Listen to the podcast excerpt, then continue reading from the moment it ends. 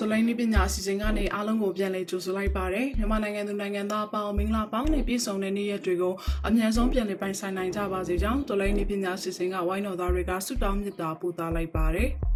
ကျွန်တော်တို့မြန်မာနိုင်ငံသူနိုင်ငံသားတွေဟာအင်တာနက်ခေတ်အင်တာနက်ကမ္ဘာမှာလိုက်ပါစီးမျောနေကြတယ်ဆိုပေမဲ့လည်းအင်တာနက်အခွင့်အရေးတွေမှာအပြည့်အဝမရရှိပဲဟိုနာကပိတ်ဒီနာကပိတ်ဟိုဘက်ကစောင့်ကြည့်ဒီဘက်ကစောင့်ကြည့်နဲ့အဖက်ဖက်ကအခွင့်အရေးချိုးဖောက်ခံနေရတာဟာဒီနေ့ဒီချိန်ထိပဲဖြစ်ပါတယ်မိမိအသုံးပြုနေတဲ့ social media ပေါ်မှာမိမိအတွေ့အမြင်မိမိခံယူချက်ကိုပေါ်ပြပြောပြခွင့်မရှိဘဲကိုရေးကိုယ်တာလွတ်လပ်ခွင့်တွေအထိလိုက်လံပိတ်ပင်ဖန်ဆီးနေတာဟာလည်းစစ်ကောင်စီပဲဖြစ်ပါတယ်။ မိတို့ပင်ပိတ်စီတားဆီးမှုတွေရှိနေပေမဲ့လည်းကလစ်မပြတ်ဆက်ချီတက်နေတာဟာတို့ပြည်သူတွေပါ။တော်လိုင်းကာလာတစ်လျှောက်လုံးမှာရရနေရကနေရရအင်တာနက်ကိုဆွဲကင်ပြီးမတရားမှုသတင်းတွေကိုနိုင်ငံအနှံ့ဖြန့်ဝေတာတော်လိုင်းရေးအလူငွေစုဆောင်းမှုတွေအတွက်ငွေအားလူအားနဲ့အပြင် click အားနဲ့ပါပါဝင်နေကြတဲ့လူတွေအတွက်အထူးကသတိထားသင့်တာကတော့မိမိအသုံးပြုနေတဲ့ browser တွေပဲဖြစ်ပါတယ်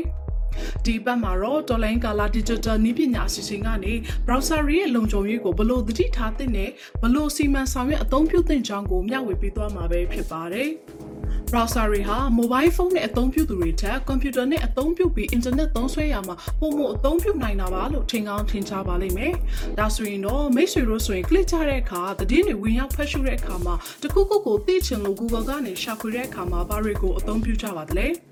တကယ်တော့ Facebook က link တစ်ခုခုကိုတွေးလို့ဝင်ရောက်ဖတ်ရှုတဲ့အခါမှာဒီ browser တွေကနေတဆင့်ဖတ်ရှုရတာဖြစ်ပြီး click ကြတဲ့အခါမှာလည်းဒီ browser တွေကနေပဲသွားရတာဖြစ်ပါတယ်။ဒါဆိုရင် browser တွေဆိုတာဘာလဲ browser တွေဆိုတာကမိတ်ဆွေအသုံးပြုတဲ့ Chrome Firefox Safari UC browser စတာတွေဟာ browser တွေဖြစ်ပြီးတခြား browser မျိုးကွဲပေါင်းများစွာလည်းရှိပါသေးတယ်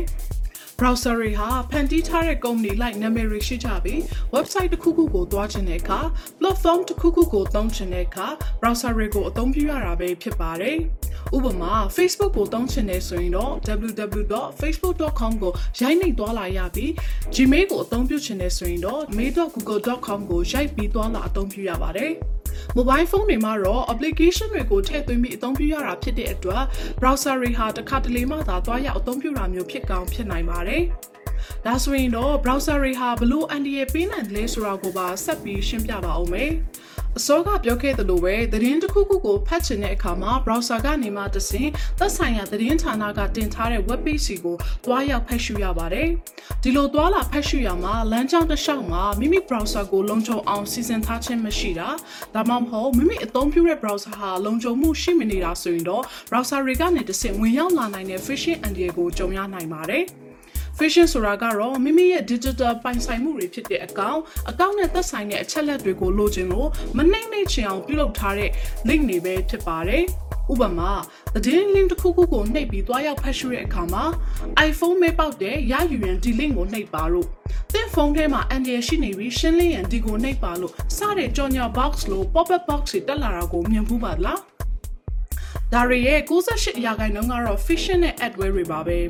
phishing ဆိုတာကတော့မိမိရဲ့အကောင့်လုံခြုံရေးကို direct အန္တရာယ်ပေးနိုင်တဲ့ချိန်ချောက်မှုတစ်ခုဖြစ်ပါတယ်။ online ပေါ်မှာအထူးသဖြင့် social media ပေါ်နဲ့ email တွေကိုတိုက်ခိုက်မှုတွေဖြစ်ပြီးအယောင်ဆောင်ထားတဲ့ phishing link တွေကနေတည်းမိမိရဲ့အကောင့်အချက်လက်ကိုပုံမှားရိုက်တောင်းယူပြီးအကောင့်တွေကိုခိုးယူမှုမျိုးတွေပါ။ အဲ့လိုအန္တရာယ်ဖြစ်စေနိုင်တဲ့ link တွေဟာများသောအားဖြင့်ကို email တွေ messenger တွေ telegram တွေကနေစပြီးလာနိုင်ပြီးကိုနှိမ့်မဲ့ link ကစိတ်ချရမြကိုအရင်စစ်ဆေးကြည့်သင့်ပါတယ်နောက်ထပ်အနေတစ်ခုကတော့ကျွန်တော်တို့နေ့စဉ်အသုံးပြုနေတဲ့ internet အသုံးပြုမှုတွေကိုအစိုးရနဲ့ mobile operator တွေကအတိုင်းအတာတစ်ခုထိစောင့်ကြည့်သိရှိနေနိုင်တယ်ဆိုတဲ့အချက်ပဲဖြစ်ပါတယ်။ HTTP နဲ့စတဲ့ link တွေကိုဝင်ရောက်ခဲ့မိရင်မိမိသွားလာရလမ်းတစ်လျှောက်လုံးကိုဘယ်ကိုသွားတယ်ဆိုတာကိုသိနေနိုင်တာဖြစ်တဲ့အတွက်လည်း HTTPS link တွေကိုသတိပြုရှာဖွေပြီးသွားလာဖို့အတွက်အင်မတန်မှအရေးကြီးပါတယ်ဒီလိုစောင့်ကြည့်သိရှိနေနိုင်တဲ့အတွက်ဘယ် internet အသုံးပြုပြီးဘယ် IP address ကိုဘယ်လို internet အမျိုးအစားကိုအသုံးပြုပြီးဘယ် web page တွေဘယ် platform တွေကိုတွားနေလဲဆိုတာကိုပါသိရှိနေနိုင်ပါတယ်။ သူတို့ပိတ်ပင်တားဆီးထားတဲ့ website တွေကိုအသုံးပြုမိနေပြီဆိုရင်တော့အင်မတန်မှသတိထားဖို့အတွက်လိုအပ်ပါတယ်။ဒါကြောင့်ကျွန်တော်တို့ဟာလုံခြုံတဲ့ VPN ကိုအသုံးပြုဖို့လိုတဲ့အပြင်လုံခြုံတဲ့ browser တွေကိုလည်းအသုံးပြုဖို့အတွက်လိုအပ်ပါတယ်။။ ဒါအပြင်အရေးပေါ်စစ်ဆေးမှုတွေကြုံလာတဲ့အခါမှာတော်တော်များများက social media တွေကိုဖျက်ဖို့ရှင်းဖို့သတိရကြပြီး browser တွေကိုရှင်းလင်းဖို့အတွက်သတိမရတတ်ကြပါဘူး။တကယ်တော့ browser တွေဟာကျွန်တော်တို့ဘသူပဲဝါဆိုတာကိုတိတိပပဖော်ပြနိုင်တဲ့နေရာတွေပဲဖြစ်ပါတယ်။